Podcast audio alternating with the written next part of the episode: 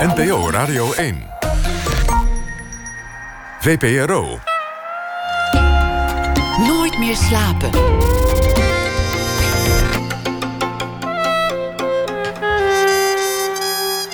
Met Floortje Smit. Ja, mochten we nog iets uh, horen over de situatie in Eindhoven, dan hoort u dat natuurlijk hier. Rond half twee hoort u het uh, derde deel van Ongesigneerd. Een serie over onopvallend design. Deze keer staat het kantoor centraal. Dat is de afgelopen jaren veel veranderd. Van systeemplafonds tot flexplekken. Maar koffie blijkt nog altijd een sleutelwoord. Don Duins die praat ons bij over wat hem opviel in het nieuws van de afgelopen dag. En hij leest een verhaal voor dat hij hierbij bedacht. Maar eerst het uh, komende uur, zo ongeveer tot uh, half twee, is hier regisseur en actrice Hilde van Michem. Zij verfilmde een roman die onverfilmbaar had moeten zijn: het autobiografische Sprakeloos van Tom Lanois. Haar film gaat over de relatie tussen de schrijver en zijn flamboyante moeder, die door een hersenbloeding niet meer kon praten. Een film over taal is het, over aftakeling, maar vooral ook over familie.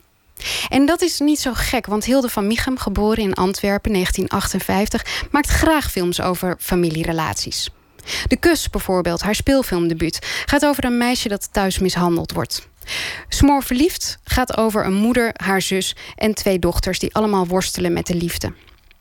De films die ze regisseerde zijn niet per se autobiografisch, maar wel hoogst persoonlijk. Wat nog los staat trouwens van het feit dat haar dochter Marie Vink in drie daarvan een prominente rol speelt. Maar Hilde van Michem begon als acteur. Ze speelde onder andere in uh, Vrijdag met, uh, van Hugo Claus, Blonde Dolly en in Fox Populi. En ze is te zien in de televisieseries De Bunker en Tabula Rasa. Hilde van Michem, welkom.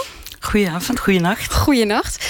Um, ik dacht, laten we, laten we gewoon voor hier eens bij het begin beginnen. Want um, ja, je bent, bij welk begin? We beginnen bij uh, Hugo Claus. Want die, oh, oh dat, is, ja, ja. dat is een uh, groot begin, ja. Ja, want die heeft jou ontdekt. Die heeft je letterlijk uit school weggeplukt. Precies. Die heeft mij gered zelfs. Die heeft mijn leven gered. Dat was mijn gevoel. Daar, daar, ga, daar gaan we het straks zeker over hebben. Ja. Maar hoe deed hij dat? Heeft hij gewoon Waar, hoe nee, ging dat? ik moet toch even uitleggen wat de situatie was toen. Ik was uh, een, de slechtste leerling van de school. Er werd, was in december al beslist dat ik het jaar moest overdoen... wegens te veel spijbelen en weet ik veel wat andere gedragstoestanden. En ik moest mij dienstbaar opstellen. En ik moest bijvoorbeeld uh, het licht bedienen bij de andere leerlingen die uh, toonmomenten hadden. Voor. Wat was dat? Is dat een soort, had je dat een, was dat een leerproces of zo waar je dan doorheen moest? Was dat het ja, idee? Ik moest mij dienstbaar leren opstellen. Hm. Ik wilde eigenlijk van die school af, die, dat half jaar dat ik toch, ik moest het toch overdoen. Dus ik kon net zo goed wat anders gaan doen. Maar daar hield mijn moeder mij van tegen. Ze zei: Je zal en je blijft op die school totdat ze niet naast je kunnen kijken. Nou, oké. Okay. Dat deed ik dan. En op zondag kwam Hugo Claus kijken naar het, uh, een, een toonmoment van de leerlingen van mijn klas. Uh, hij zocht een meisje voor de rol van Christiane in Vrijdag. En ik stond als assenpoester achter de lichtbak aan het einde, andere einde van de zaal. En na afloop, toen iedereen het podium af was en het publiek een beetje de camera uit de zaal uit was, stond hij met de directeur te praten. En ik hoorde hem zeggen, ik was kabels aan het oprollen en ik hoorde hem zeggen, wie is dat meisje? En ik hoorde de directeur antwoorden, oh, daar moet je geen aandacht aan besteden, dat is de slechtste leerlingen van school. En toen zei Hugo, en toch zou ik graag hebben dat ze auditie kon doen. En ik bleef echt verstijfd staan. Ik hoorde dat. En Fons, de directeur, riep me bij hen. En ik werd voorgesteld. Nou, oké, okay, goed. Op de dag van de auditie overslaap ik me. Ik moest er om negen uur zijn. Ik werd om kwart over negen wakker. Maar waarschijnlijk eigen sabotage. Ook zoiets van, dat kan niet dat Hugo Claus een leerlingen zoekt. En dan nog wel mij. Ondenkbaar leek me dat. Ik ga toch die koptelefoon afzetten, want het ja. lukt niet. en, um, nou, en toen... Um, uh, waar was ik? Oh ja, dus ik spring het bed uit met mijn haren in de wind, kapotte jeans aan, kapotte trui. Echt zo. En ik fiets naar die auditie. En ik kom naar binnen en in die wachtkamer zitten allemaal meisjes van mijn school, mooi opgetuut en helemaal echt om door een ringetje te halen. En ik kom daar als halve wilde binnen. En uh, Hugo was met iemand bezig in het kamertje daarnaast. En hij kwam naar buiten, liet dat meisje uit, zag mij zitten en zei: Daar ben je eindelijk. Het werd gewoon muisstil in die kamer. Hij zei, kom jij maar mee? Dus al die anderen die daar eerst al zaten, die liet hij gewoon zitten. Dan nam hij me mee. Dan deed ik met hem die auditie. Hij gaf tegenspel. En die scène eindigde dat hij zei: Oh, gij leugenkonte. En ik had het woord nog nooit gehoord, leugenkonte. Ik dacht, wat is dat? En ik schiet in de lach en ik stop. Ik kom niet meer bij. Ik stop in de zenuwen. Ik stop niet meer met lachen. En ik vraag meneer Klaus: Mag ik mij alsjeblieft op het toilet even gaan concentreren? En dan kom ik terug en dan beloof ik dat ik het heel goed zal doen. En toen zei hij: Ja, dat mag. Dus ik naar het toilet. En toen ik van het toilet terugkwam, waren alle meisjes weg. Die hadden ze naar huis gestuurd. En toen ben ik de rest van de dag moest ik tegenspel geven tegen allemaal jongens. En toen bleek ik die rol te hebben. En toen stond de hele school op stelte. Uiteindelijk ben ik dat jaar overgegaan. Ja, dat mag ik toch hopen ook, ja. wat, ik, wat ik me wel afvroeg, waar, hoe kan het nou dat je zo slecht... Want je, waarom wilde je eigenlijk naar die toneelschool... als je, als je er een beetje met je pet naar gooit? Ik gooide er niet echt met, voor mijn gevoel niet echt met mijn pet naar. Dat was gewoon een, een beetje een te schoolse school voor mij, naar mijn zin. En vakken waar ik gewoon goed in was, daar ging ik niet naartoe. Ik had voor de theaterschool had ik al een paar jaar conservatorium gedaan. Ik kon muziek lezen, ik kon piano spelen, ik kon, we moesten leren drummen, ik kon feilloos ritmes lezen. We hadden Frans, Engels, Duits, dat sprak ik allemaal al, want ik kwam uit een gezin waar mijn vader het ontzettend belangrijk vond dat we wereldburgers waren en geen Antwerpenaren. En elke vakantie vanaf mijn twaalfde werd ik een maand of twee maanden naar Frankrijk of naar Ierland of naar een Duits. Ik werd altijd, ik moest talen leren, dus ik kon dat. En ik had echt zoiets van, ik ga niet op de bank zitten. Terwijl leerlingen vragen waarom is er een halve noot tussen de derde en de vierde noot en tussen de zevende en de achtste noot. Ik werd daar gewoon, ja, ik had daar geen zin in. Ja. En ik had ook een leuke man ontmoet. En ik vond het veel leuker om met hem in bed te liggen dan op de schoolbanken te zitten. Het gebeurt volgens mij iedereen die twintig is zo'n beetje, ja, toch? en ik had ook al een pleegdochter van zes. Vanaf dat, ja, vanaf dat ik in het tweede jaar zat. Dus ik, ik ging ook tussendoor het huishouden doen en zo. En nou ja, op die Ja. manier. En toen in het derde jaar werd dat niet meer gepikt. En, en zeiden ze van, eh, zo, nu is het welletjes geweest. Maar dat- nu heb je nog steeds mijn vraag niet beantwoord. Waarom wilde je eh, zo graag theater in? Oh, dat wilde ik van mijn achtste. Waarom? Wat, wat was er Omdat aan... ik in de zaal zat. We gingen met de klas naar een toneelstuk kijken. En dat doek, dat was voor het eerst dat ik dat zag. En dat doek ging open en dat licht ging op. En daar ontstond een wereld waarin je mocht schreeuwen, huilen, lachen, springen, bewegen. En daar werd nog voor geapplaudisseerd ook. Terwijl ik opgegroeid ben in katholiek Vlaanderen, waarin een kind, of mensen ook, je mocht niet huilen, lachen, brullen, springen, dansen, weet ik veel wat, onnozel doen. Dat, dat mocht allemaal niet. En daar mocht dat. En ik zat in die donkere zaal en ik dacht, daar wil ik staan, daar wil ik zijn. En vanaf dan is dat niet meer uit mijn hoofd gegaan. Dus dat eigenlijk een soort bevrijding in dat acteren, eigenlijk voor jou. Nee, veel eerder de mogelijkheid om iets mee te delen. Veel eerder, eerder de mogelijkheid om een emotie over te brengen. Om iets te mogen uiten. Meer dan, wat, wat, hoe noemde jij het? Wat zei jij? Het was eigenlijk een bevrijding. Ja, een bevrijding. Nee, ja. het was meer... Het was meer de noodzaak om, om dingen mee te, mede te delen. En dat kon daar, zag ik. Ja. Weliswaar in vorm, met, met een tekst en, en in een vorm gegoten. Maar ik zag daar dingen gebeuren. En dat was dan nog kindertheater. Dus ik bedoel, pas later ontdekte ik het andere theater. En daarvoor wilde ik zigeunerin worden, maar dat kon niet. en, en, en toen dat niet kon, dacht ik circusartiesten, maar dat had weinig drama, vond ik. En toen op mijn achtste zag ik theater en spelen en dat is het dan geworden. Het zijn extreem ehm, eh, fantasievolle beroepen ook. Ja, ik, ik, denk, ik denk dat ik heel veel fantasie had als kind. Ja, en nog trouwens, ik bedoel, ik kan me vaak in mijn verbeelding begeven. Ja, ik, ik, ik ben graag in de verbeelding. Ja. Ik leef, dat is fijn leven in de verbeelding. ja, is dat dan vlucht dan? Nee, dat weet ik niet. Is dat een vlucht? Ja, het is vaak wel een redding. Ja. Maar dat is nog iets anders dan een vlucht. Het is, ik heb het altijd gedaan. Ik heb altijd, ehm, ik zou zeggen, in mijn hoofd geleefd, maar dat, dat, dat is het eigenlijk niet. Want in, je hoofd leven eh, zou piekeren zijn en, en worstelen en weet ik veel wat voor donkere gedachten of, of andere gedachten.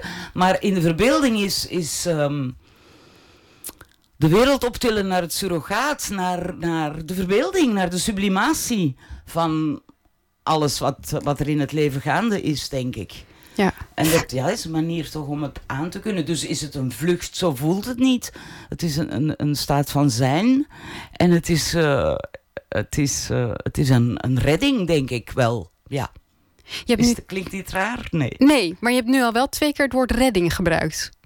In, in Bij Hugo en nu. Ja, ja.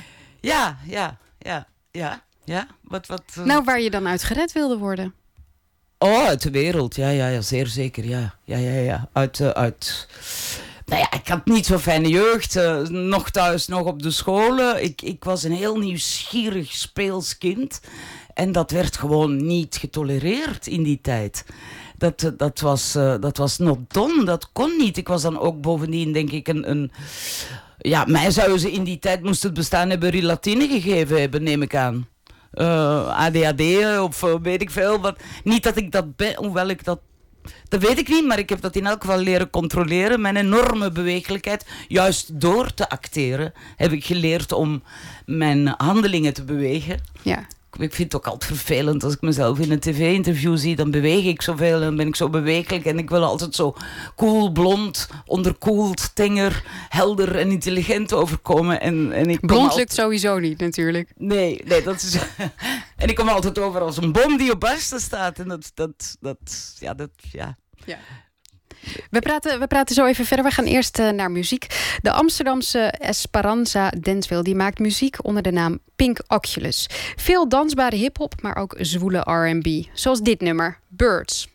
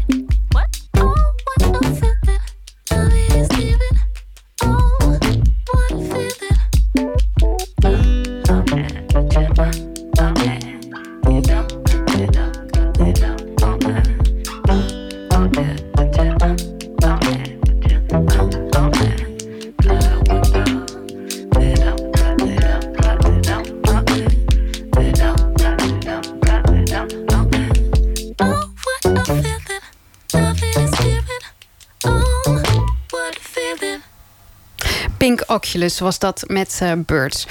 Ehm, naast mij zit nog steeds eh, Hilde van Michem. Eh, we gaan straks zeker praten over jouw film Spraakloos.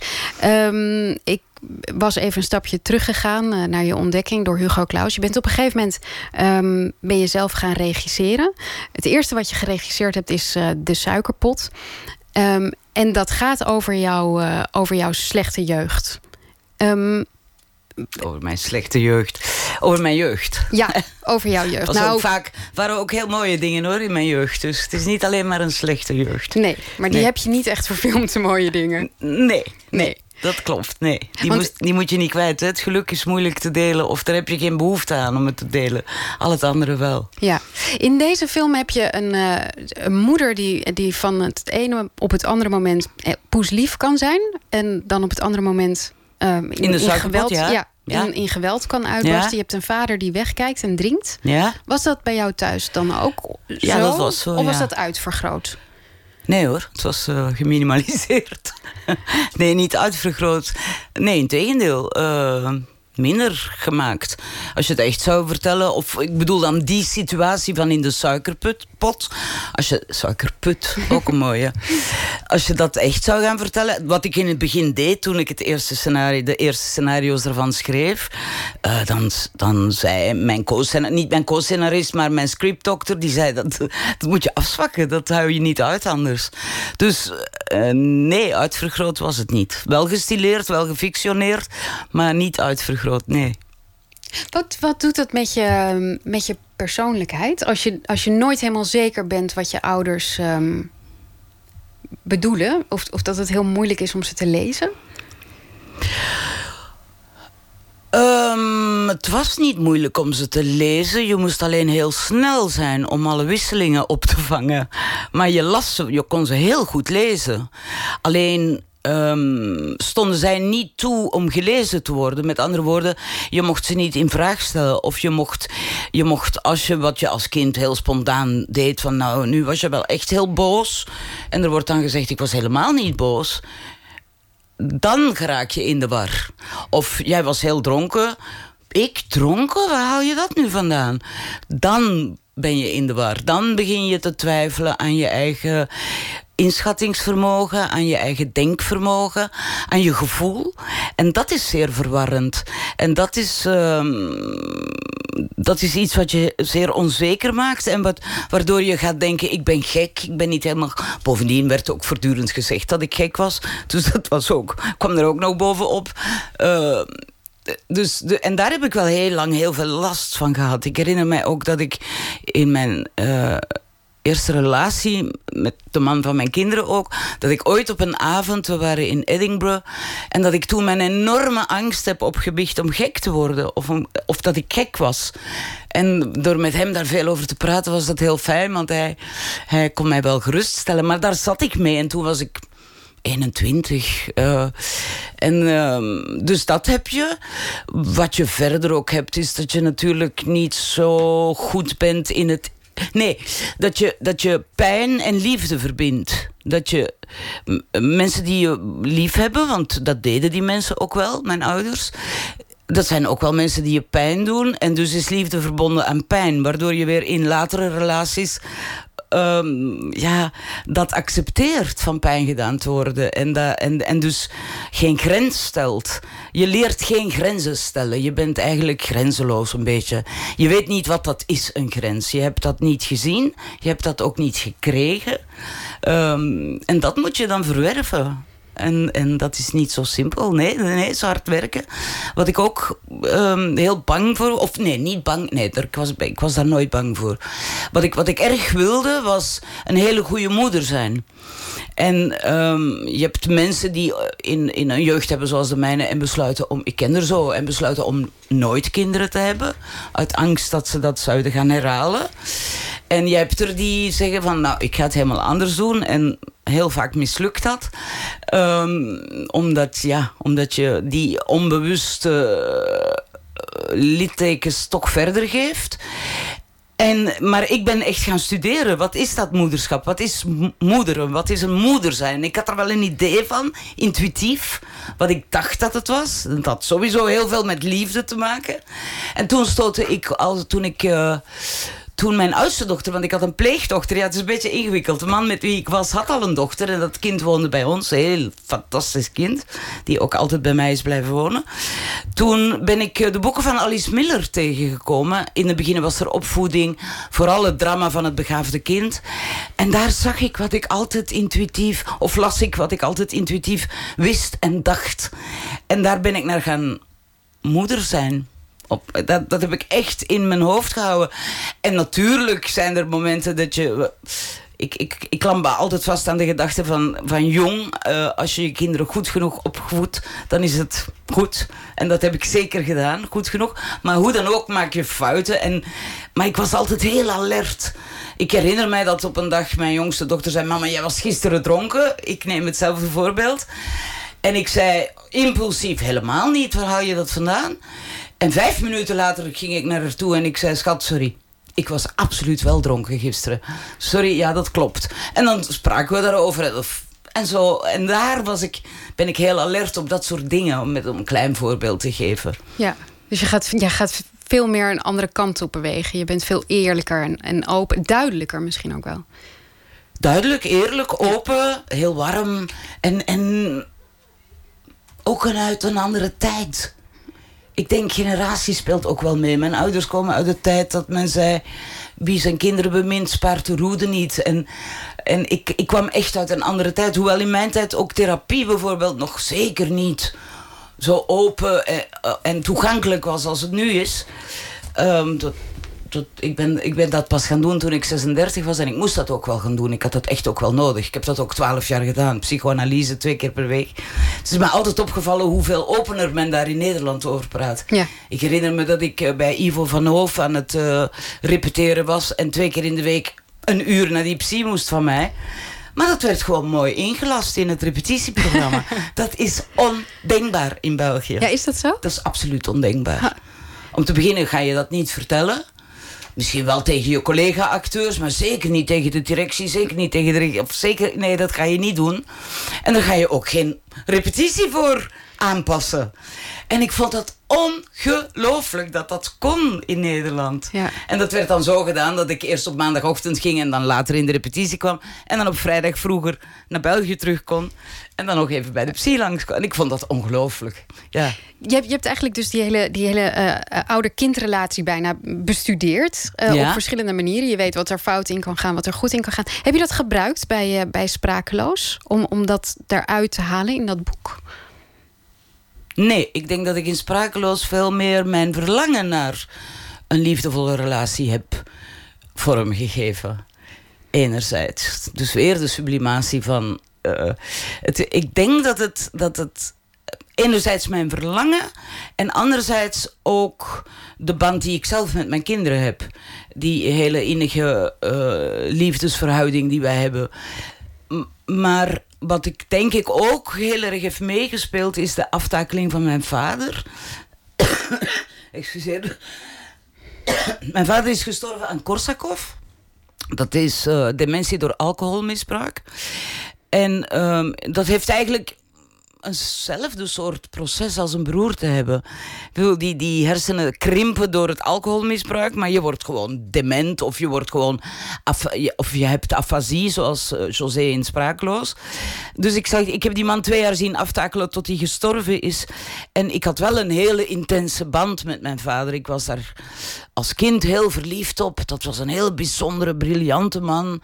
Ehm, jammer genoeg laf en, en hield hij van drinken.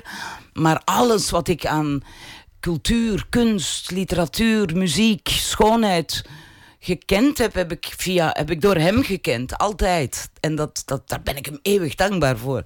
Want dat was het tegengewicht tegen die andere kant. Zo, die enorme input. Ehm, en dan vooral kunst. Ehm, maar mijn vader is zo afgetakeld en ik heb dat gezien. En ook dat proces heb ik denk ik wel meegenomen in het maken van Sprakeloos.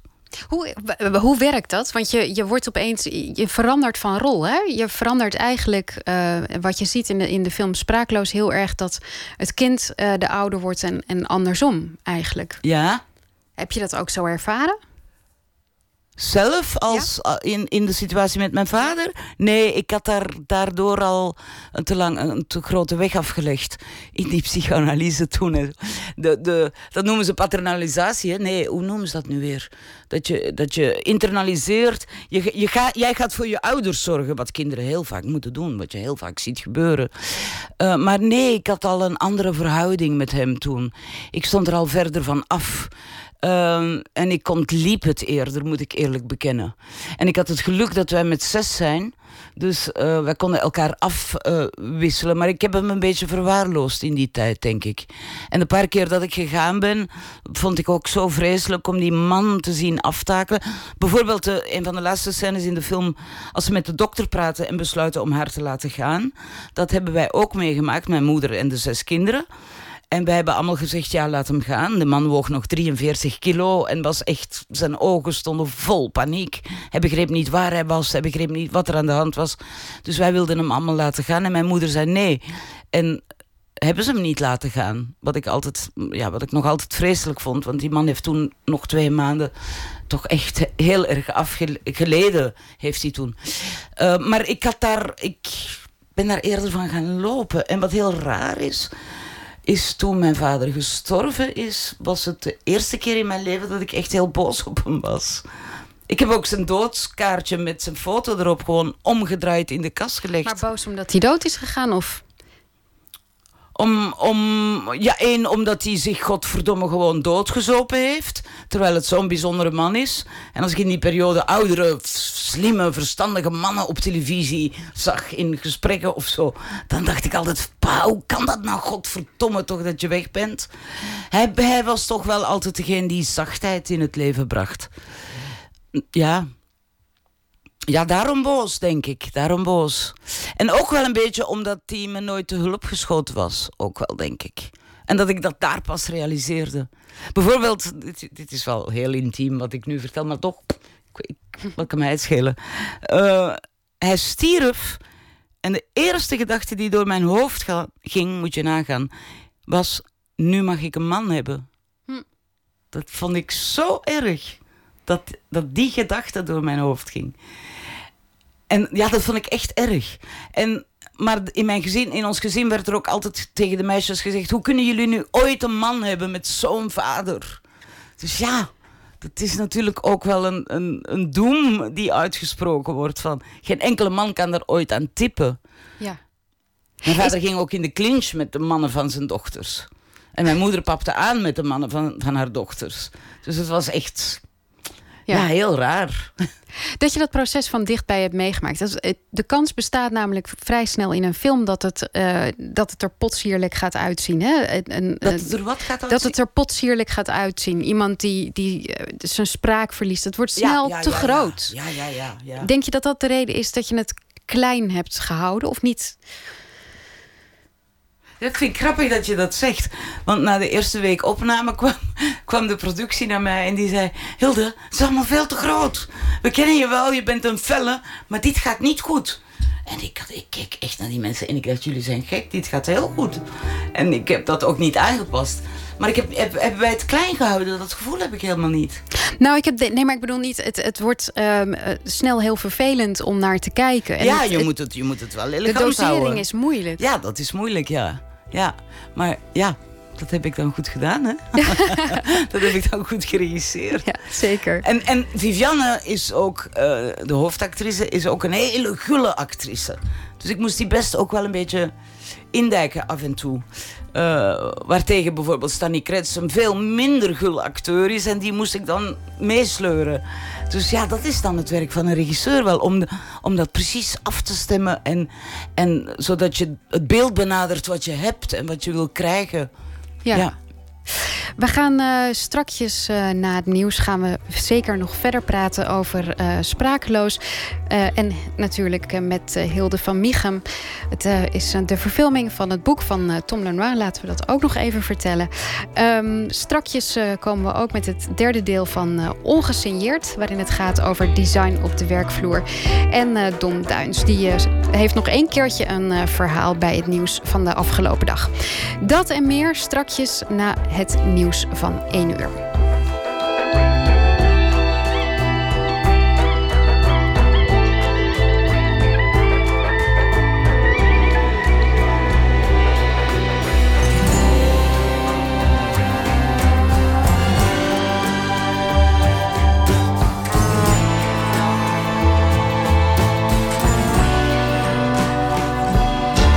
Op Radio 1, het nieuws van alle kanten.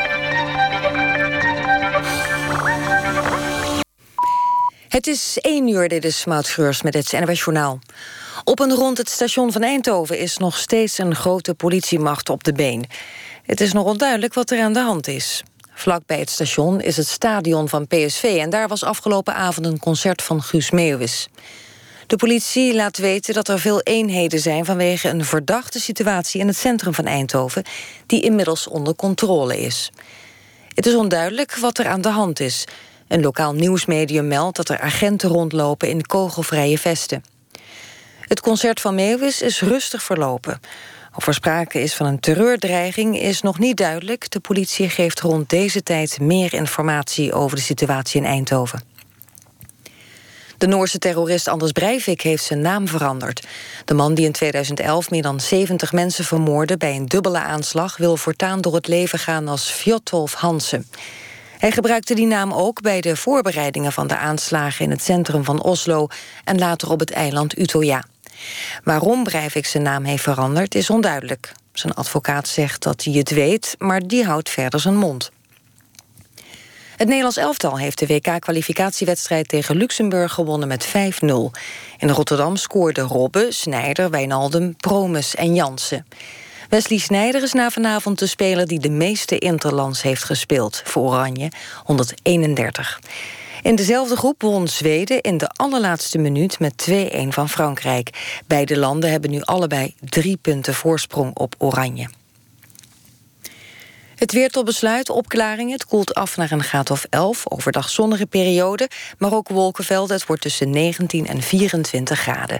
Zondag nog een paar graden warmer. Maar in de middag komen er wolken en enkele Er is uh, buien. laatste nieuws uit... Uh, En tot zover het NOS-journaal. Dan nog de ANWB Verkeersinformatie met twee files. De A6 Muiden richting Lelystad tussen knooppunt Muidenberg en Almere Poort 2 kilometer. En de A58 Breda richting Vlissingen tussen knooppunt De Stok en Bergen op Zoom Centrum. Een file van 8 kilometer. En tot zover de ANWB Verkeersinformatie. En er is uh, laatste nieuws uit Eindhoven. NOS-verslaggever Martijn van der Sande. Wat kan jij uh, vertellen?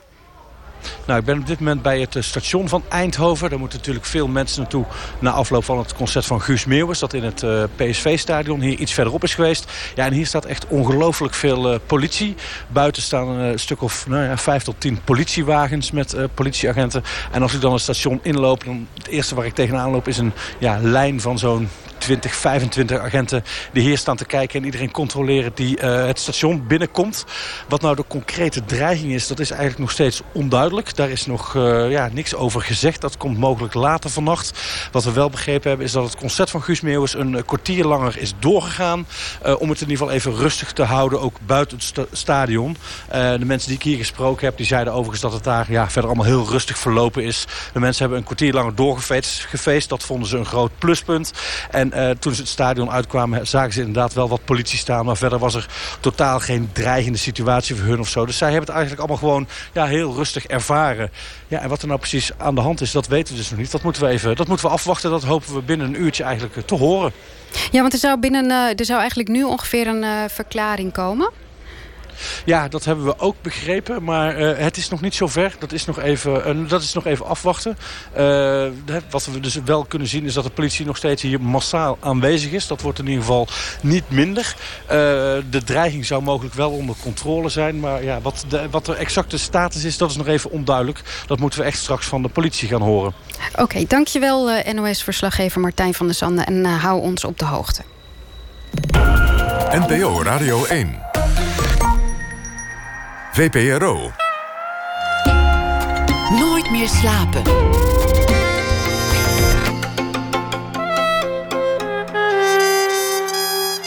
Met Floortje Smit.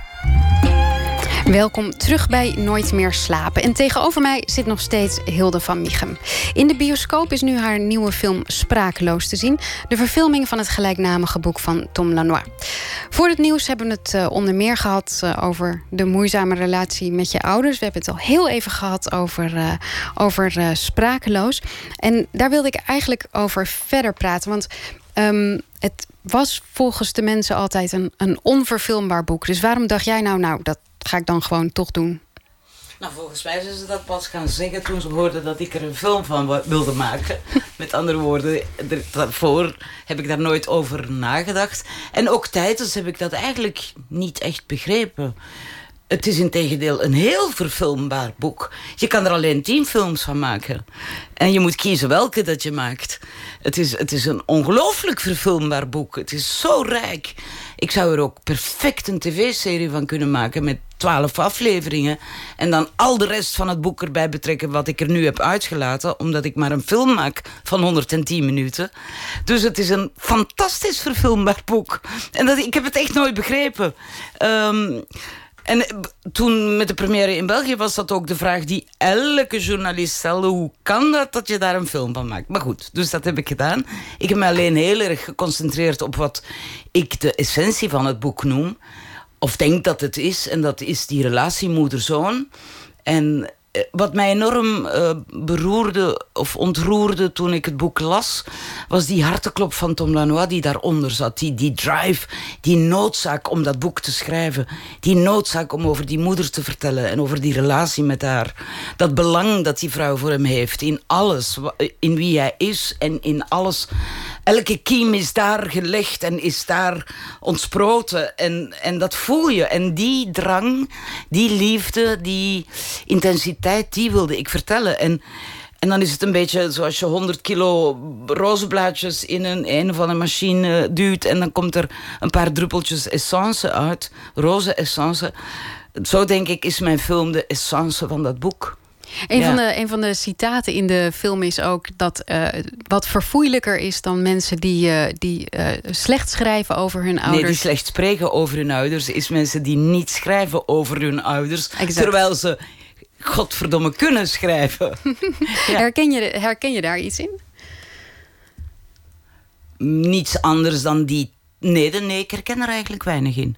Nee. Nee. Maar ik, ik ken. Ik, ik Hoewel, jawel, jawel. Ik kan het, ik, jawel, jawel. In die zin, bijvoorbeeld, de suikerpot die kreeg een prijs in mijn kortfilm, kreeg een prijs in New York. En toen zei mijn moeder, goh, nu ben ik al bekend in New York. Dus in die zin ken ik het wel, die ijdelheid van het... Dat die moeder ook zegt, wil je nou eens schrijven over je ouders? Over mij?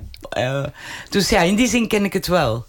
Herken ik het wel. Maar ik weet niet waarom je die vraag stelt of ik dat herken. Wat, je, wat jij dan denkt dat ik zou moeten herkennen. Nou nee, ik zat, ik zat meer over, uh, over die motivatie te denken. Dat je, dat je toch het gevoel hebt dat je het uh, ergens ook moet doen. Schrijven over je ouders. Of in jouw geval dan films maken over je ouders. Dat het bijna oh, onontkoombaar ja, op die manier. is. Ja.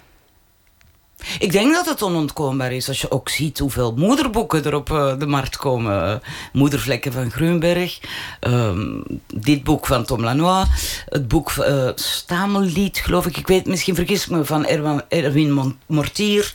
Um, er zijn veel moederboeken. En ik denk dat veel schrijvers, en niet alleen schrijvers, maar ook filmmakers, geïnspireerd worden door um, hun bron van bestaan.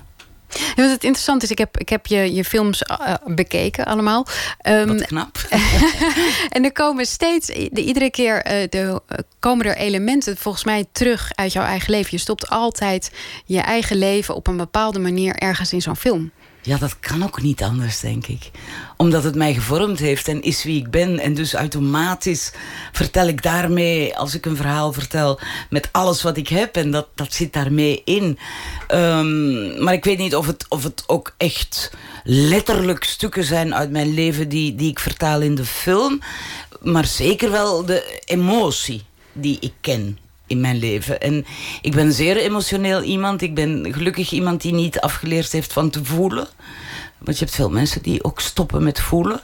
Dat heb ik niet, integendeel, ik voel iets te veel. Ehm, en dat heb ik, die, die noodzaak heb ik wel altijd om, om dat mee te delen, ja. Om dat te vertellen. En daarin toch ehm, mijn blik op de wereld en dus ook van, vanaf ik geboren ben tot nu. En, en wat dat bij mij teweeg brengt, om dat weer te geven, ja. Maar je zoekt daarmee wel toch heel vaak wel de, pijnlijke dingen voor jezelf op. Bijvoorbeeld na de suikerpot eh, moest je in therapie om alles weer te, eh, ver- of nou ja, vergeten, maar om, omdat. eh, Nee, nee, nee, maar sindsdien ben ik ook nooit meer, heb ik dat probleem ook nooit meer gehad. Ik heb alleen daar ontdekt dat ik, ehm, als ik de zaken niet verwerkt heb, dan kan ik ze niet ongestraft vertellen. Ehm, ondertussen ben ik veel verder wat dat betreft. En heb ik, eh, heb ik al die dingen juist door die psychoanalyse eh, een plaats gegeven. En beheersen ze mij niet meer. Ze maken ook geen deel meer uit van mijn identiteit. En dat was vroeger veel meer het geval. Ik werd daar veel meer door getekend en, eh, en dan nu.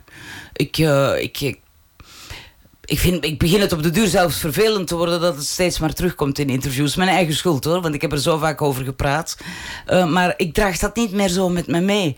Eh, Ik heb dat echt wel een plaats gegeven. En als ik dan aan de slag ga met ehm, een film maken of ook als actrice, eigenlijk eh, gebeurt dan het tegenovergestelde. Dan wekt het geen pijn op, maar genot. Hoe bedoel je dat? Ik geniet daarvan om dat te vertellen. Ik vind het zalig. Als dat klopt. En als je dat via zo'n film als Sprakeloos kan doen, die zo over warmte en liefde gaat. En, en, en wat zo'n mooi verhaal is. Dan vind ik dat gewoon subliem dat je dat kan doen. Net zoals ik het bijvoorbeeld geweldig vind dat de Suikerpot, mijn kortfilm, in zeven instanties gebruikt wordt om therapeuten en psychologen op te leiden. Drie, vier universiteiten in Amerika, eh, ergens in Berlijn, ergens in Londen en in België ook nog twee. Eh, ik vind, dat vind ik ongelooflijk dat je erin slaagt om destructieve eh, gegeven om te draaien naar een heel constructief iets. Dus ik geniet daar eigenlijk van. Het wekt absoluut geen pijn op, wel in tegendeel. Ja. Ja. In eh, veel van jouw films ehm, figureert je je dochter. Figureert. Of figureert, pardon. Ja, Speelt, de sterren van de hemel. Zeker, ja. Waarom eh, is, is dat een automatische keuze voor jou? Dat je, omdat je er zo goed kent? Schrijf je voor haar? Eh, nee, maar ik zou het wel willen gaan doen. Ehm, moest ik kunnen, ja. Ik, ik, ik schreef de rol van haar leven, absoluut. Gewoon omdat het zo'n fantastische actrice is. Maar het moet wel passen. In Dennis van Rita, een andere film van mij, zat ze niet in. Ik ga ze niet zomaar casten als, als ik niet voel dat het iets is wat, wat voor haar geschikt zou zijn als rol.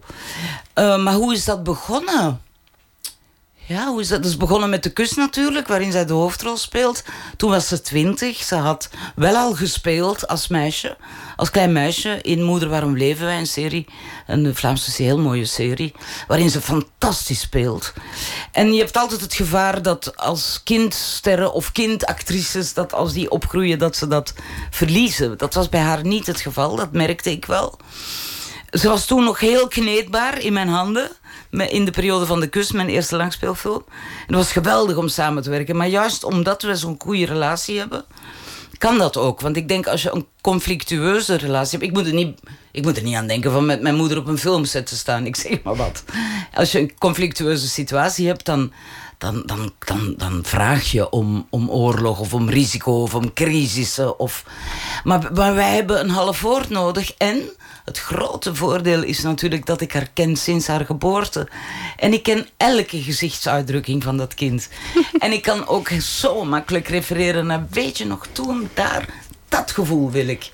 En ja, dat is gewoon heel fijn. Maar het kan ook meteen heel moeilijk zijn. Want jullie hebben een hele eh, symbiotische relatie. Nee, we hebben, geen, we hebben gewoon een heel lekkere, gezonde, liefdevolle relatie. Ja. Ja, Maar dan is het toch ook heel moeilijk om eh, daarvan af te stappen op een filmset. helemaal niet. Geen enkel probleem. Ik ben meteen regisseur. En zij is actrice.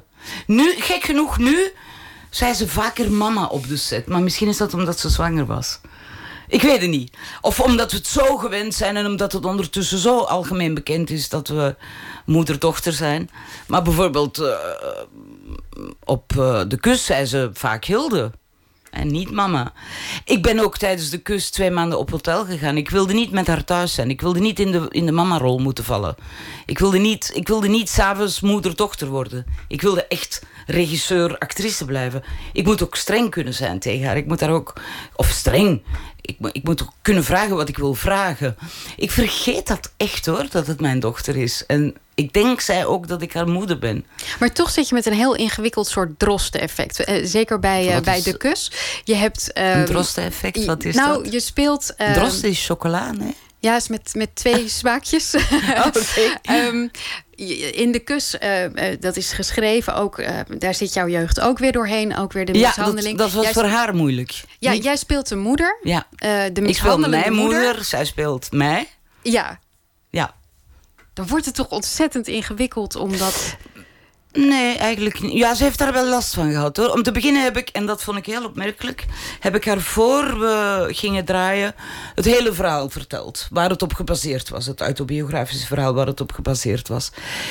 En dat is nogal een heftig verhaal. Als je de film ziet, dan weet je dat. En ehm, toen was zij 20, 21, dus dat kon wel om dat te vertellen. En het, wat ik heel opmerkelijk vond, was ik, dat ik twee dagen later vroeg van... "V- Vond je dat lastig of heb je er last van dat ik dat vertelde? En dat zei mama, moet je nu het weten? Ik herinner me, ik weet eigenlijk niet meer zo goed wat je allemaal verteld hebt. Dus ze had dat ergens toch verdrongen of zo. En wat dan wel gebeurd is, is dat ze tijdens het spelen wel meer gaan nadenken is over hoe het bij mij was toen ik 16 jaar was. En naar het einde van de film toe kreeg ze angstaanvallen en durfde ze niet meer op een bus te stappen. Of ze zat toen op het eerste jaar universiteit. En eh, ze, ze moest een, een, lezing houden voor, voor, de, voor, de, voor de studenten. En daar was ze vreselijk gestrest voor, terwijl ze dat anders nooit had. Eh, maar ze was ook doodmoe van die rol. En dan heb ik haar, want ik kon niet weg, heb ik haar samen met mijn zus naar Sint Mauritius gestuurd. Op een hele mooie, lange, dure vakantie. En ze kwam terug en het was helemaal voorbij. En, eh, het- Maar twijfelde je dan niet? Dacht je niet, nu ben ik gewoon te ver gegaan? Dit had ik misschien gewoon niet zo moeten doen. Nee. nee. Zou wel zo zijn, moest ze 16 zijn of 15, maar ze was 20, 21, super intelligent, zeer empathisch. En waarom zou ik de waarheid of de werkelijkheid uit de weg gaan? Ze kon dat wel aan. Dat wist ik wel. Nee, ik heb daar nooit over getwijfeld. En ik heb ook niet het gevoel dat daar iets mee mispeuterd heb of misgedaan heb. Of integendeel. Integendeel, we hebben, het was zeer spannend en intens en, en het bracht ons heel dicht bij elkaar. En eh, ik ken ook niemand anders die zo emotioneel nabij kan zijn als mijn dochter. Bij mij. Als ik verdriet heb of zo. Of ik bij haar ook hoor. Maar zij beter nog bij mij dan ik bij haar. Ik word eerder onrustig als zij heel ongelukkig is. Maar zij kan zo naast me zitten, niks zeggen en emotioneel nabij zijn, aanwezig zijn, samen zijn. Ehm, nee, Marie is daar heel goed in. Ja. Mijn oudste dochter trouwens ook hoor, Sarah. Sarah heeft je casting gedaan hè, voor deze Sarah film. is Dus casting die- agent, daar ja, werk dat je ook mee eigenlijk. Ja, dat is mijn pleegdochter. En de vader van mijn kinderen is mijn agent. Dus het is echt wel een familiegebeuren. Ja. We gaan nog eh, even naar muziek. Mac DeMarco, die is een eh, zanger-gitarist uit Montreal. Een eh, maker van schijnbaar achterloze, maar toch heel pakkende popliedjes. Wat een nieuwe album, This Old Dog, is dit On The Level.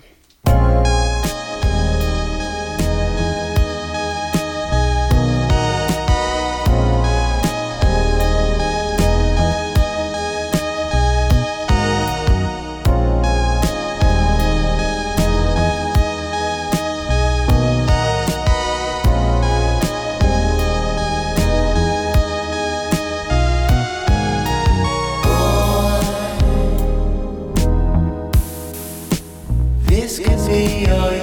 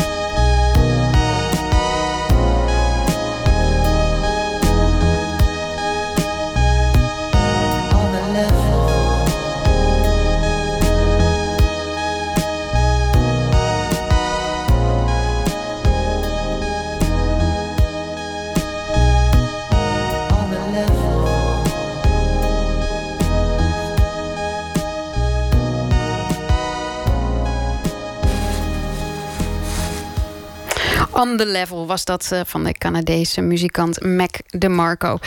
Ehm, naast mij zit nog steeds eh, Hilde van Michem, ongeveer tot de klok van half twee. En aanleiding is haar film Sprakeloos. Ehm, Hilde, jij bent eh, overgestapt van actrice naar regisseur. Ehm, er zijn niet zo heel erg veel vrouwelijke regisseurs. Of tenminste, ze komen niet aan de bak, laat ik het zo zeggen. Waarom denk jij dat dat Of ze maken is- één film en dan geen tweede, derde, vierde, vijfde meer. Eh, waarom dat zo is? Is er zoiets als het glazen plafond in die wereld? Nee, maar het is wel een harde wereld. Je moet wel heel stevig in je schoenen staan als vrouw. Het is wel... mm, zoals toch vaak vind ik hoor... dat je toch als vrouw het dubbel moet bewijzen. En je moet... eh, Ja, het is gewoon een harde wereld. En dan denk ik wat er zeker bij komt kijken. Volgens mij is het zo simpel. Je hebt kinderen en als vrouw ga je daar, ja, word je daarmee door opgeslorpt. En als je regisseert. Ik heb gewacht tot Marie 16 was voor ik mijn eerste film ging maken. Gewoon omdat je gewoon 14, 15, 16 uur per dag werkt. Zeven dagen op zeven, een hele lange periode. En dat kan je gewoon niet maken met kinderen. Of tenminste, dat wil je ook niet maken. Ehm, of tenminste, ik wilde dat niet. Ehm, dus ik denk dat het daar bijvoorbeeld een, een bekende eh, Belgische cineaste, Patrice Toy, eh, die was zeer goed bezig, had twee films gemaakt, kreeg toen twee kinderen en is gewoon twaalf jaar gestopt. En dan denk ik, ja, waar is Patrice Toy? Oh ja, ze heeft kinderen. Maar je mist wel iets als je vrouwelijke regisseurs mist, denk, denk ik. Je mist een soort vrouwelijke blik ook op de wereld. Ja, dat denk ik ook. En niet alleen ja, een blik en, en een, een, een, een ander aanvoelen van de wereld. En het dus ook anders vertellen. Dat mis je zeker. Ja, dat denk ik ook. De- dringend moeten meer vrouwen films gaan maken. Niet alleen om wat wij dan als publiek kunnen zien, maar ook om actrices een kans te geven. Om eindelijk actrices veel meer rollen te bezorgen. En omdat je gaat als vrouw automatisch voor vrouwen schrijven, of bijna automatisch. Ik ken weinig schrijvers die goed vrouwelijke personages neerzetten. Coetzee is daar een enorme uitzondering op. John Maxwell Coetzee die schrijft prachtige vrouwenpersonages, maar heel veel mannen uh, vertellen toch vanuit het man zijn. Net zoals vrouwen vanuit het vrouw zijn. Ik schrijf niet voor niks met een mannelijke co-scenarist. Dat is gewoon omdat hij beter weet hoe een man in elkaar zit. Ik weet dat helemaal niet. Ik begrijp er helemaal niks van van mannen. Maar wat, want je bent ook actrice. Wat kom je dan tegen waarvan je denkt van nou, dit is echt onzin? Ja, je bent heel vaak aangeefster. Het aangeven van de rol voor de ander. En je bent heel vaak, tenminste in mijn carrière... of je bent van fataal hoer slet, noem maar op. Of je bent moeder de maagd Maria. Maar dat is het dan. Maar je bent zelden een intelligente, weldenkende vrouw... die, die, die een goede carrière heeft. En uh, dat gebeurt niet zoveel, dat soort rollen. Van die intelligente vrouwenrollen. Dat heb je niet zo heel veel. En daarom vind ik het ook alleen daarom al zo fijn om, om films te maken. Om, om, om vrouwen te laten spelen. Uh, en niet als hoer of niet als uh, de maagd Maria. Ik denk dat de, die, de comedie die je hebt gemaakt, de romantische comedie Smoor Verliefd, daar een heel goed voorbeeld van is. Ja. Het zijn allemaal sterke vrouwen in een huis die gewoon liefde en lust beleven. Ja.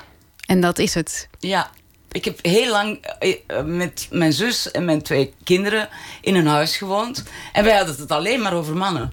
Nee, niet alleen maar, maar toch ook heel vaak. En over de liefde en over hoe dat allemaal moest en zo. En, en met al onze mislukkingen en met uh, verliefdheden die misliepen en noem maar op. Dus ja, Smoor Verliefd is daar, uh, is, is zo'n film, ja. Ja, we moeten heel even naar uh, NOS-verslaggever Ja, Martijn van der Sande. Um, want die heeft nieuws. Martijn? Ja, dat klopt. Er was vanavond een dreiging bij het eh, concert van Guus Meeuwis in Eindhoven. Daarom heeft de politie enorm opgeschaald. In heel Eindhoven is veel politie te vinden. En inmiddels weten we wat die dreiging inhoudt. Dat is een man van 29 uit Amsterdam. Die heeft zich aan het begin van de avond rond kwart over acht... hebben ze hem aangetroffen bij het PSV-stadion. Waar dus dat concert zou zijn. En hij hield zich daar volgens de politie verdacht op. Maakte onder andere, was onder andere filmopnames aan het maken. Had geen kaartje van het concert. En het was ook nog eens een bekende van de politie. Hij stond bekend vanwege radicalisering. Nou, de politie heeft besloten hem op te pakken. Hij had geen uh, duidelijk verhaal. En daarna heeft de politie besloten om, om op te schalen. Dus om meer ja, politie deze kant op te sturen. Omdat ze nou niet wisten wat de bedoeling van die persoon was. Uh, nou ja, inmiddels is dus duidelijk uh, wat die dreiging was. En lijkt het de situatie eigenlijk gewoon weer terug naar normaal te kunnen.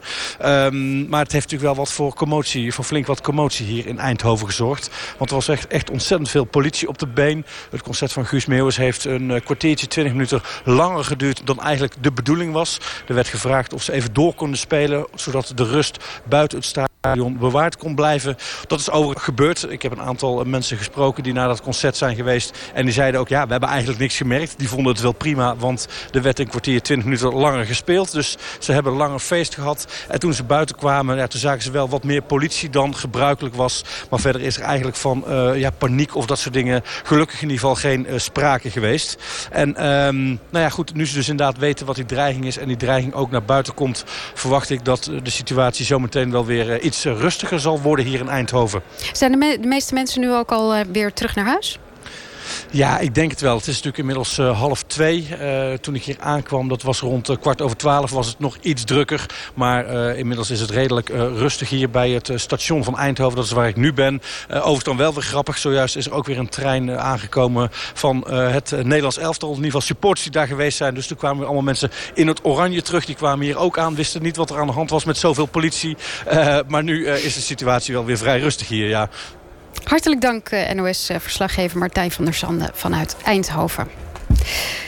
En ik ben uh, nog steeds hier met uh, Hilde van uh, Michem. We praten over jouw film Spraakloos. We waren net aan het praten over hoe het is als de vrouwelijke regisseur, als, als actrice. Um, we hadden het erover dat Smoor Verliefd... dat dat een echte vrouwenfilm was. Ik vroeg me af of je ook denkt dat, het, dat je acteursregie anders is... omdat je vrouw bent. Oh, ben ik... Omdat ik vrouw ben? Nee. Ja. Omdat ik actrice ben. Niet omdat ik vrouw ben, denk ik. Ik heb met vrouwelijke regisseurs gewerkt die even vreselijk waren als sommige mannelijke regisseurs.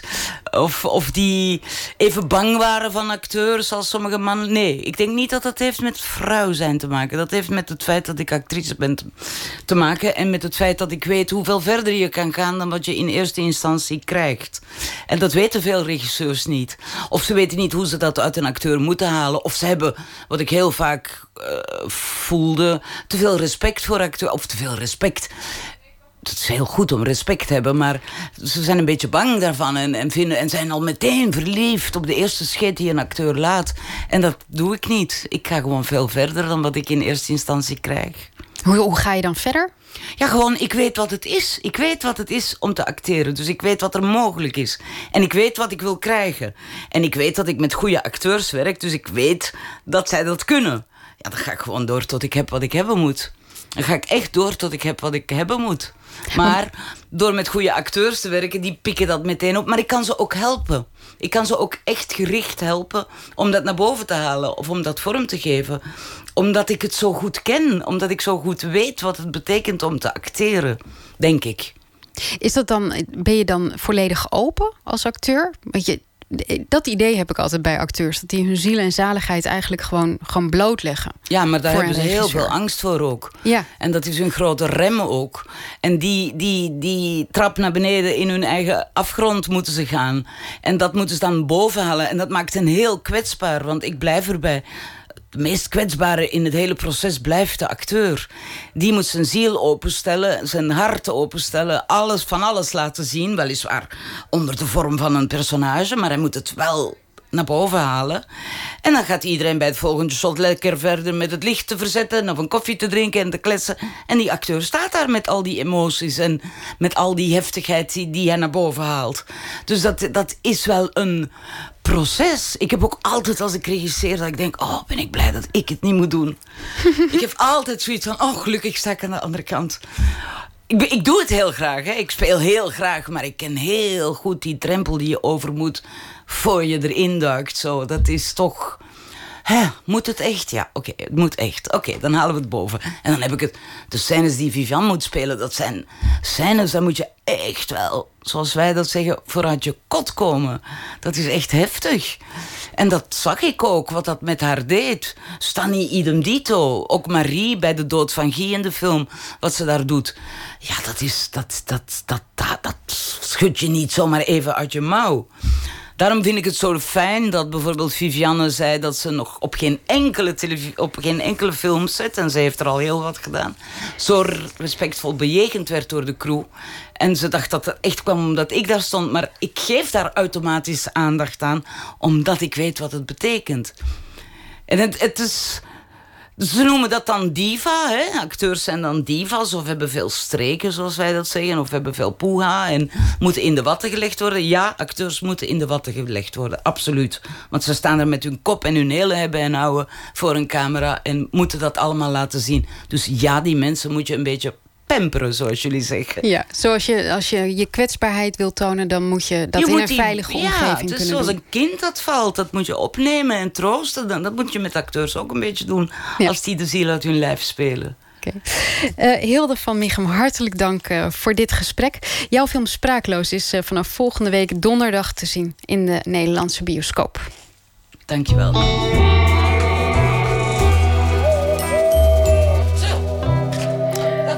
Roger Waters is de bassist en de songwriter van Pink Floyd. Maar hij staat ook in zijn eentje op het podium. Er is eh, net een nieuw soloalbum van hen verschenen. En eh, hiervan draaien we Déjà Vu.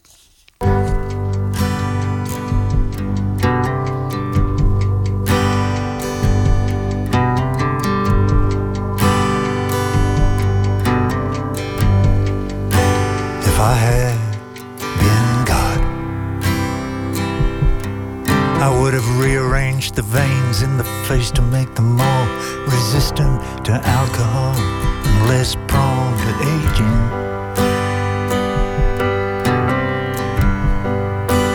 If I had been God,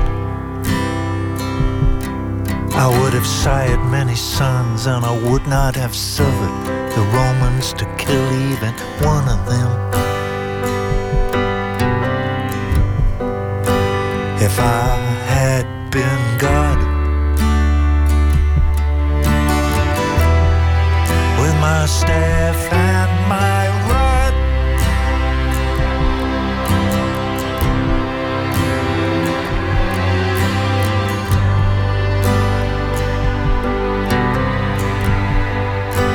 if I had been given the night, I believe I could have done a better job. And if I were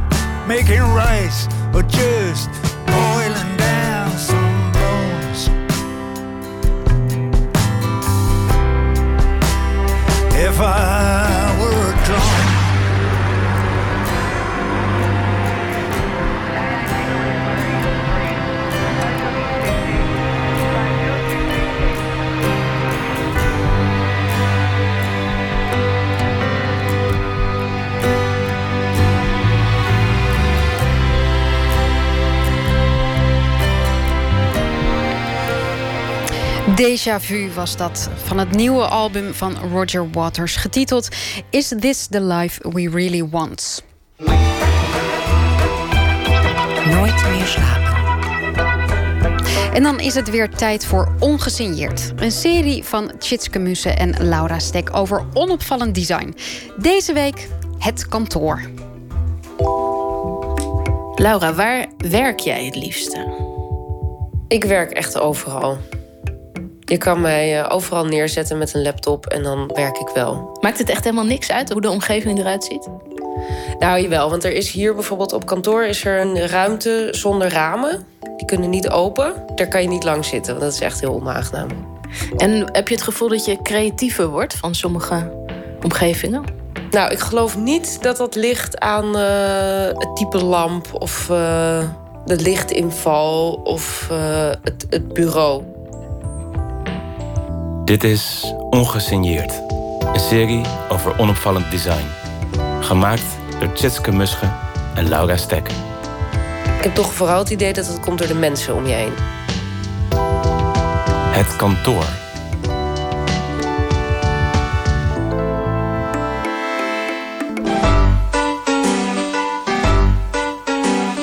Papier is op. Dat heb jij weer.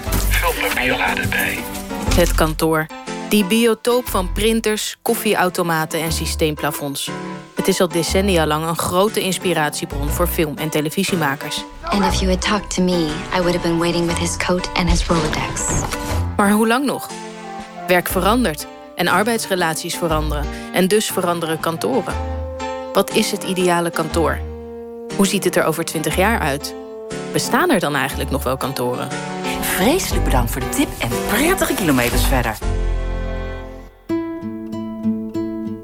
Iemand die vaak gevraagd wordt naar het kantoor van de toekomst is Stefan Peterman.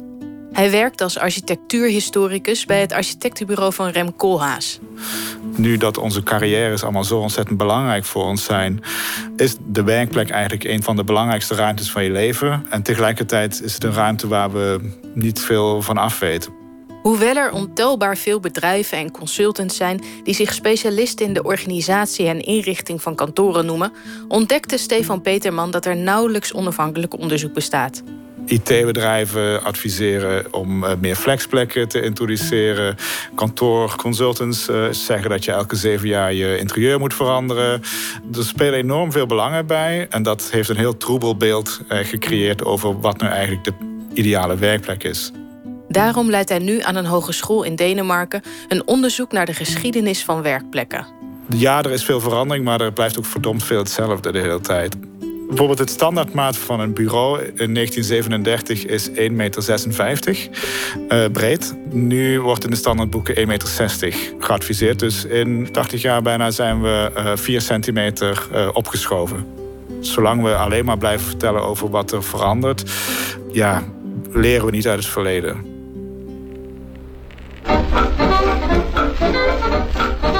De kantoren zoals we ze allemaal wel voor ogen hebben, die hoge gebouwen met kleine kamertjes, die ontstaan ten tijde van de industriële revolutie in de 19e eeuw. Zodra de lift wordt uitgevonden, worden die kantoren steeds hoger en groter, vooral in Amerika. Begin 20e eeuw is daar Frederick Taylor, een Amerikaanse ingenieur. Hij brengt de stopwatch naar de werkvloer en zal de boeken ingaan als de uitvinder van efficiency. Om werknemers zo goed en snel mogelijk te laten werken, plaatst hij ze samen aan lange rijen bureaus in een grote open ruimte. De managers kijken toe vanaf de zijkant. In de jaren daarna worden de Amerikaanse kantoren steeds dieper. Want door de ontwikkeling van goed kunstlicht en airconditioning hoeven werknemers niet meer bij het raam te zitten. Maar zulke gigantische kantoren zijn hier in Europa nooit echt aangeslagen. Er zijn al gauw wetten die werkgevers verplichten om te zorgen voor daglicht op de werkvloer. En dat beperkt automatisch de ruimte. Maar aangeraakt door de democratische wind van de jaren 60 ontstaat hier wel een nieuw soort kantoorvloer. De kantoortuin. Een grote open ruimte met her en der plukjes bureaus. Managers en werknemers zitten allemaal heel democratisch en transparant op dezelfde vloer. En er zijn planten. Ook met het idee van dat heel veel van wat nu natuurlijk wordt beschouwd, zoals dingen zoals uitzicht en licht, et cetera, dat het allemaal kunstmatig uh, gerepliceerd kan worden. Dus dat je met perfecte airconditioning en perfecte verlichting eigenlijk het zou moeten voelen dat je in een tuin zit.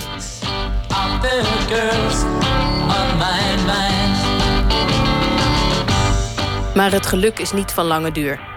In bedrijfskrantjes uit de jaren 60 regent het klachten van medewerkers. De geluidsoverlast uh, van al die mensen die in één ruimte zitten te typen, dat het echt niet te harde begon te worden. Dat je mensen oproepen ziet doen van je mag niet alle planten om jouw bureautje zetten. Er zitten mensen afscheidingen gaan maken in die ruimte. En daarin zie je ja, tot dat idee van die complete open ruimte ja, steeds sterk onder druk komt te staan. En dus komt er eind jaren 70 een nieuw soort kantoorvloer in zwang. Iets dat tussen open vloeren en gesloten ruimtes in zit... en waarvoor men van heinde en ver naar Nederland komt om het te bekijken. In het hart van wat in de toekomst het nieuwe centrum van Apeldoorn zal worden... heeft de verzekeringsmaatschappij Centraal Beheer in beton een kantoorpand laten bouwen... dat niet alleen uit de lucht frappeert door zijn revolutionaire vorm... maar ook wanneer men er op de begane grond per auto langs rijdt. Dan valt direct het niveauverschil op tussen de diverse delen van het gebouw... dat men van vele zijden kan binnengaan. De godvader van de Nederlandse kantoortuin houdt zelf kantoor op de zolder van een oud schoolgebouw in de Pijp in Amsterdam. Ik ben uh, Herman Hertzberger, architect. En ik ben uh, 85 jaar. Van buiten zag het gebouw eruit als een stapel kubussen. Maar in de volksmond werd dat al gauw de apenrots. Alleen het verschil is dat bij een apenrots hebben ze iets gemaakt... Uh, omdat ze geconstateerd hebben dat die apen leuk springen... maar ze weten niet waarom die apen springen. Maar ze doen het, dus daarom maken ze apenrotsen. Maar bij ons is het zo dat het toch allemaal heel doelbewust... en heel over nagedacht is waarom het zo is en niet anders. Maar hij schreef vooral geschiedenis met de binnenkant. Ik kreeg de opdracht omdat ik een jong architect was. En ik was op dat moment niet heel bekend, maar ik stond wel bekend als uh, toch een beetje dwars. En de mensen van Centraal Beheer die wilden iets anders. Die waren niet tevreden over de op dat moment huidige kantoorcultuur. Hertzberger ontwierp een gebouw met een groot open centrum in het midden en allemaal kantoortuintjes eromheen. Mensen konden elkaar zien, maar doordat er veel hoekjes en nissen waren en bruggetjes en balkons, voelde het anders dan een open vloer. Het was overal dat je kon kijken naar elkaar. En dat heeft me meteen het gevoel gegeven: ja, eigenlijk moet je een gebouw maken als een stad. Iedereen mocht zijn eigen werkplek inrichten. Al die mensen hun eigen planten mee en hun eigen platen. En dat ging nogal ver. Want de mensen gingen ook met elkaar in concurrentie over wie de grappigste dingen had. Het was een geweldig succes. Dat zagen de mensen als een enorme vrijheid. Er kwamen ook uh, op een bepaald moment pin-ups tegen de muur. Ja, dat was toch wel een beetje de nieuwe tijd eigenlijk. Die daar werd ontworpen.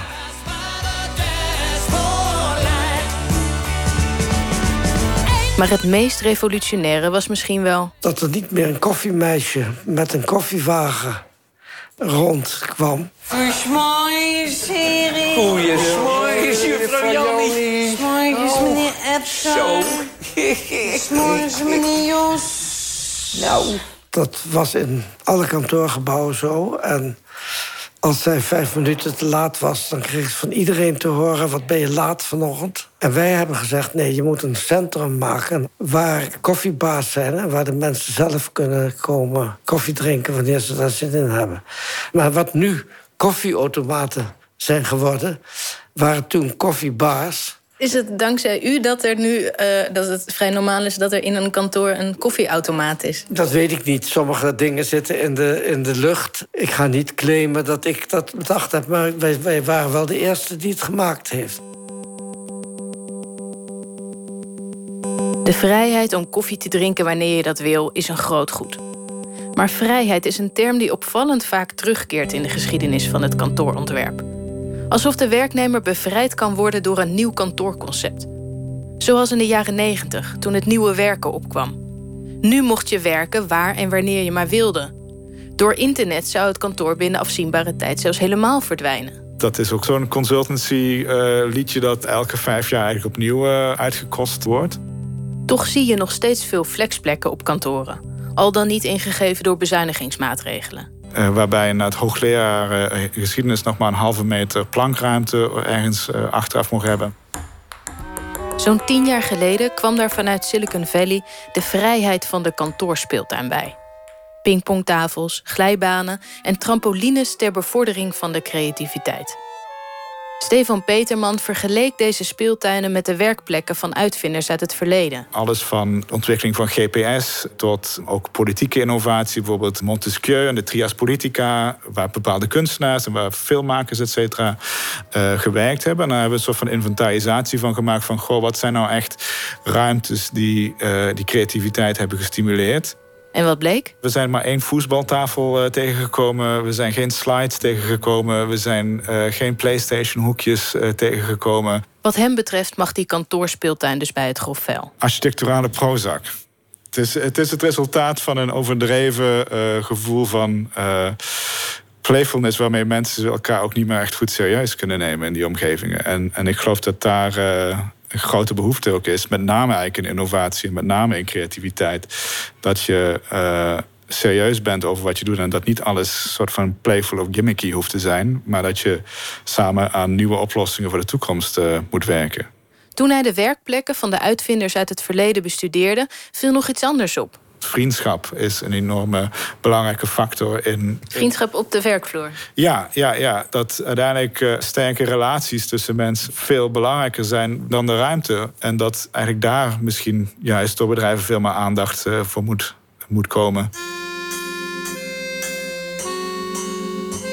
Herman Hertzberger werkt nog steeds een paar dagen per week. En soms maakt hij een wandelingetje. Wat je vandaag de dag ziet, is het verschijnsel van de koffiecorner op elke straathoek. Al die mensen zitten aan raamtafels. Hè? En dat heeft natuurlijk ook te maken met de laptops. Ja, dat stelt dus de hele kwestie van, de, van het kantoorgebouw op dit moment in de vraag. Ik ken dus uh, koffiecorners die zo gezellig zijn. Hè? Waar je gewoon de hele middag met tafeltjes en hele makkelijke stoelen. En daar zit je gewoon te werken. Dat doe ik ook wel eens, ja. En of je dat nou met je laptop doet, of dat je gewoon een, een, een, een bloknoot met een paar dingen bij je hebt. Maar wat, wat je ook doet, uh, het komt gewoon niet voor dat ik niet, als ik daar gezeten heb, iets van een nieuwe gedachte heb gekregen die ik niet gekregen zou hebben als ik niet in de publieke omgeving was geweest. Hertzberger denkt dat het kantoor er over twintig jaar heel anders uitziet. Alleen daar waar men echt moet samenwerken, daar heeft op dit moment een kantoorgebouw nog zin. En eh, dus je moet het ook zo ontwerpen vandaag de dag... dat mensen dus heel veel met elkaar kunnen doen. Dat die kantoren veel kleiner kunnen worden, dat ze veel gezelliger worden. Dus eh, wat dat betreft denk ik dat het, het kantoorgebouw zoals wij het kennen... dat dat uh, verleden tijd is. Je zou kunnen zeggen dat bijna 50 jaar nadat Hertzberger de eerste koffiebar in een kantoor plaatste, die koffiebar zich aan het kantoor ontworsteld heeft en een eigen leven is gaan leiden. Misschien zou je zelfs kunnen zeggen dat met dit soort werkplekken het punt is aangekomen van de ultieme bevrijding van de werknemer. Nou, dat weet ik niet hoor. Uh, op een bepaald moment is het natuurlijk zo dat juist omdat je overal en altijd kan werken, dat nooit meer een moment is dat je niet werkt. Dan ben je fysiek vrij, maar dan ben je door anderen geketend. Dan moet je voortdurend op zoek naar nieuwe opdrachtgevers. Met elke vorm van vrijheid die je hebt, uh, uh, komt ook volgens mij een bepaalde invrijheid of, of verplichting. En het is ook niet alleen een negatief proces, het is ook een positief proces om jezelf nuttig te maken. Het moet een interessante balans zijn tussen vrijheid en onvrijheid om volgens mij tot innovatie ook te komen. Denk jij dat het kantoor over 20 jaar nog bestaat?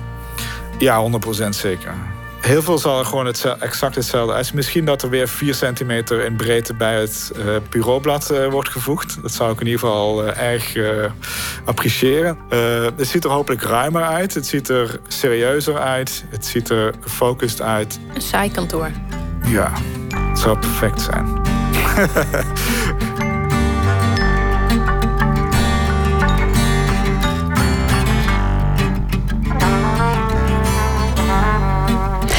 hoorde architect Herman Hertzberger en architectuurhistoricus Stefan Pe Peterman in Ongesigneerd, een serie van uh, Tjitske Muse en Laura Stek over onopvallend design.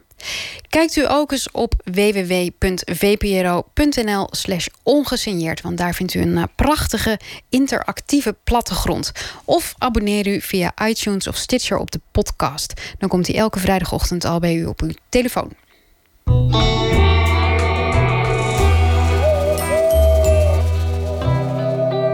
Elke week vragen we een schrijver of een dichter om met proza te reageren op het nieuws van de voorbije dag. En deze week wordt dat verzorgd door Don Duins. Hij schrijft voor theater, televisie, film en radio. En in 2015 uh, verscheen zijn laatste boek, getiteld Het lelijkste meisje van de klas. Don, hi. Goedenacht. Hi, goeienacht. Um, vandaag was eigenlijk de, eigenlijk de dag van de, van de Britse verkiezingen. Hè? Heb je daar iets mee gedaan? Uh, daar heb ik wel iets mee gedaan, ja. Nou ja, op mijn manier dan. Op jouw manier, want verkiezingen lijkt me, lijkt me niet heel inspirerend om iets over te verzinnen. Nee, maar alle randverschijnselen vind ik altijd wel inspirerend. En ik probeer Trump een beetje te vermijden. En ja, om, om nou iets te zeggen dat Wesley Sneijder record international is geworden, hartstikke leuk. Maar... Ja, moet je er ook mee? Ja, wat moet je ermee? Precies. nou, ik ben benieuwd wat je ervan uh, van gemaakt hebt. Oké, okay, het heet uh, Slappe Brexit. En uh, hier komt het. De roemruchte Vlaamse stripheld Cowboy Henk wordt wakker met een enorme ochtendknots. Door de tekenaar met zoveel plezier in beeld gebracht dat de aanblik ervan, althans bij mij, acuut pijnlijke ballen veroorzaakt. Cowboy Henk met zijn blonde kuif en gebeeldhouwde kaaklijn bezoekt ten einde raad de dokter om hem van zijn ongewenste en niet aflatende erectie te verlossen. Deze dokter, chirurg zelfs, heeft een probaat recept om Henk van zijn zwellichaam te verlossen. De arts houdt een papiertje op dat slechts één naam bevat. Theresa May. Meteen bij het zien van deze naam slinkt Henks piemel naar hanteerbaar formaat. Toen ik deze strip van de briljante Belgische absurdisten Kamagurka en Hersele vandaag op Facebook zag, hij verscheen eerder in de Humo, barstte ik spontaan in lachen uit. Goed, oké, toegegeven. Het is misschien flauw en zelfs potentieel seksistisch om Theresa May met acuut lustverlies in, verband te brengen, maar het is ook erg grappig. En in liefde en humor is alles geoorloofd, vind ik.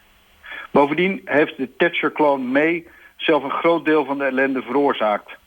De door haar uitgeschreven verkiezingen om meer macht te verkrijgen... zijn zoals bekend op een deceptie uitgedraaid. In die zin heeft ze een groot deel van het Britse volk... een collectieve slappe bezorgd door haar gedraai komt. Labour-voorman Jeremy Compton deed het daarentegen onverwacht goed. Waardoor we nu wellicht een zachtere brexit krijgen... of in elk geval een meer chaotische. Voor de ongewenst opgewonden cowboy Henk was de naam Theresa May dus genoeg om hem tot rust te brengen. Maar de Britten zelf zijn nog lang niet gekalmeerd. Integendeel, de Remainers, kamikaze Brexiteers en Relievers vliegen elkaar met hernieuwde energie in de haren na de onhandige verkiezingen. Hoog tijd dat cowboy Henk ook in het Verenigd Koninkrijk verschijnt. Een beetje humor zal de Britten in deze barre tijden goed doen. Ja, die arme Britten. Dat wordt een chaos natuurlijk strakjes. Ja, want het kan nu alle kanten op, begrijp ik. Dat, eh, waar ze meer macht proberen te verkrijgen, heeft ze het tegendeel bereikt.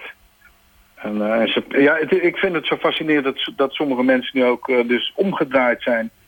Die eerst tegen de brexit waren, dan nu, dat zijn volgens mij die relievers. En dan nu zeggen, ja, nou ja, laten we dan er toch maar uitgaan. En dan ook maar zo snel mogelijk.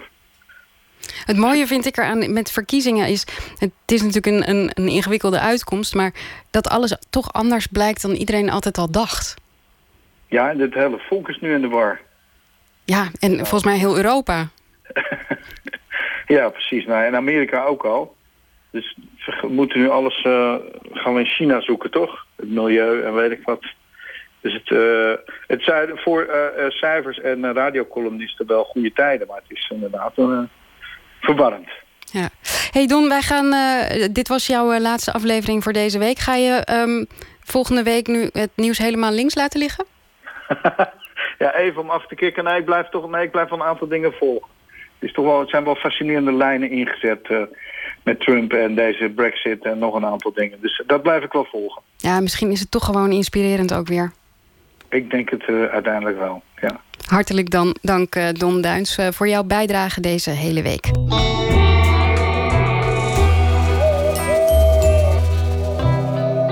En dan nu muziek. Dit is Tim Hardin met Misty Roses.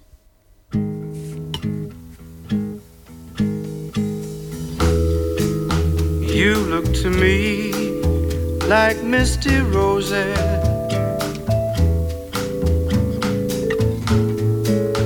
Too soft to touch,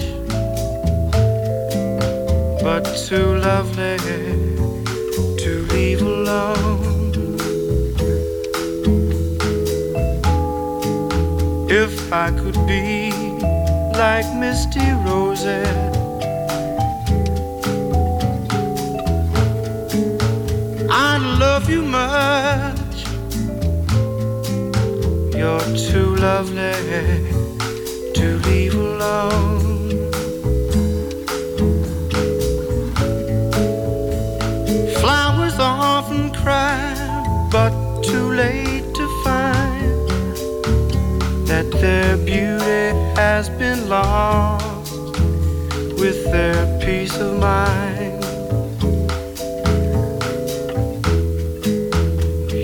Look to me like love forever.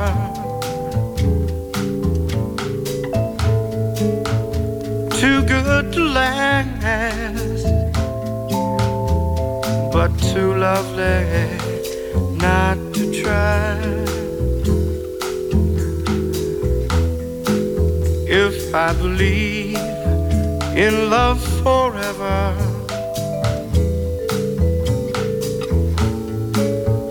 I'd forget the past. You're too lovely not to try. Tim Hardin is dit eh, met Misty Roses. En dan nu één minuut. Een serie wonderlijke verhalen in 60 seconden. Vandaag sport. Pst, één minuut. Toen ik studeerde. Ja, het waren schatten van ouders hoor, eh, daarnaast. Toen zei mijn vader op een dag: Ik moet ernstig met je praten. En ik kom bij me zei: Als jij niet gaat sporten, dan betalen wij jouw studie niet meer. Mijn ouders, mijn moeder was toptennisser. En mijn vader ook trouwens. Dat was echt een tennishuwelijk bij ons. Stond het hele weekend in het teken van, van de tennis. En, en dat is afschuwelijk, zou ik je zeggen. Ja? Ja, dat is heel verschrikkelijk. Daar moet je niks... Ik was vijf toen ik al huilend met het racket op de baan stond. En, en altijd van, als je nou maar je best deed... dan kon je misschien wel Wimbledon. Mijn moeder verbood me gewoon om huiswerk te maken. Ga buiten spelen, dat is gezond. Nee, ik wil huiswerk maken. Ja, dat maakte ik natuurlijk geen huiswerk. Dan zat ik gedichten te schrijven of weet ik wat te doen. Dus ik was het huis nog niet uit. Of, ik heb nooit meer sport gedaan.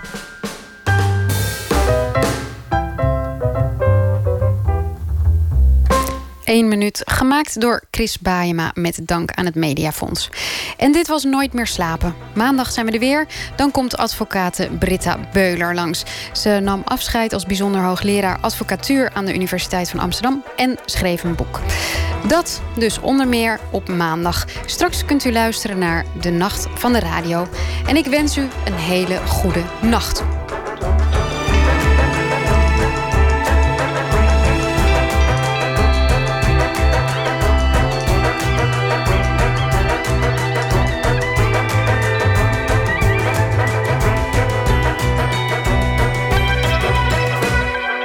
Radio 1, het nieuws van alle kanten.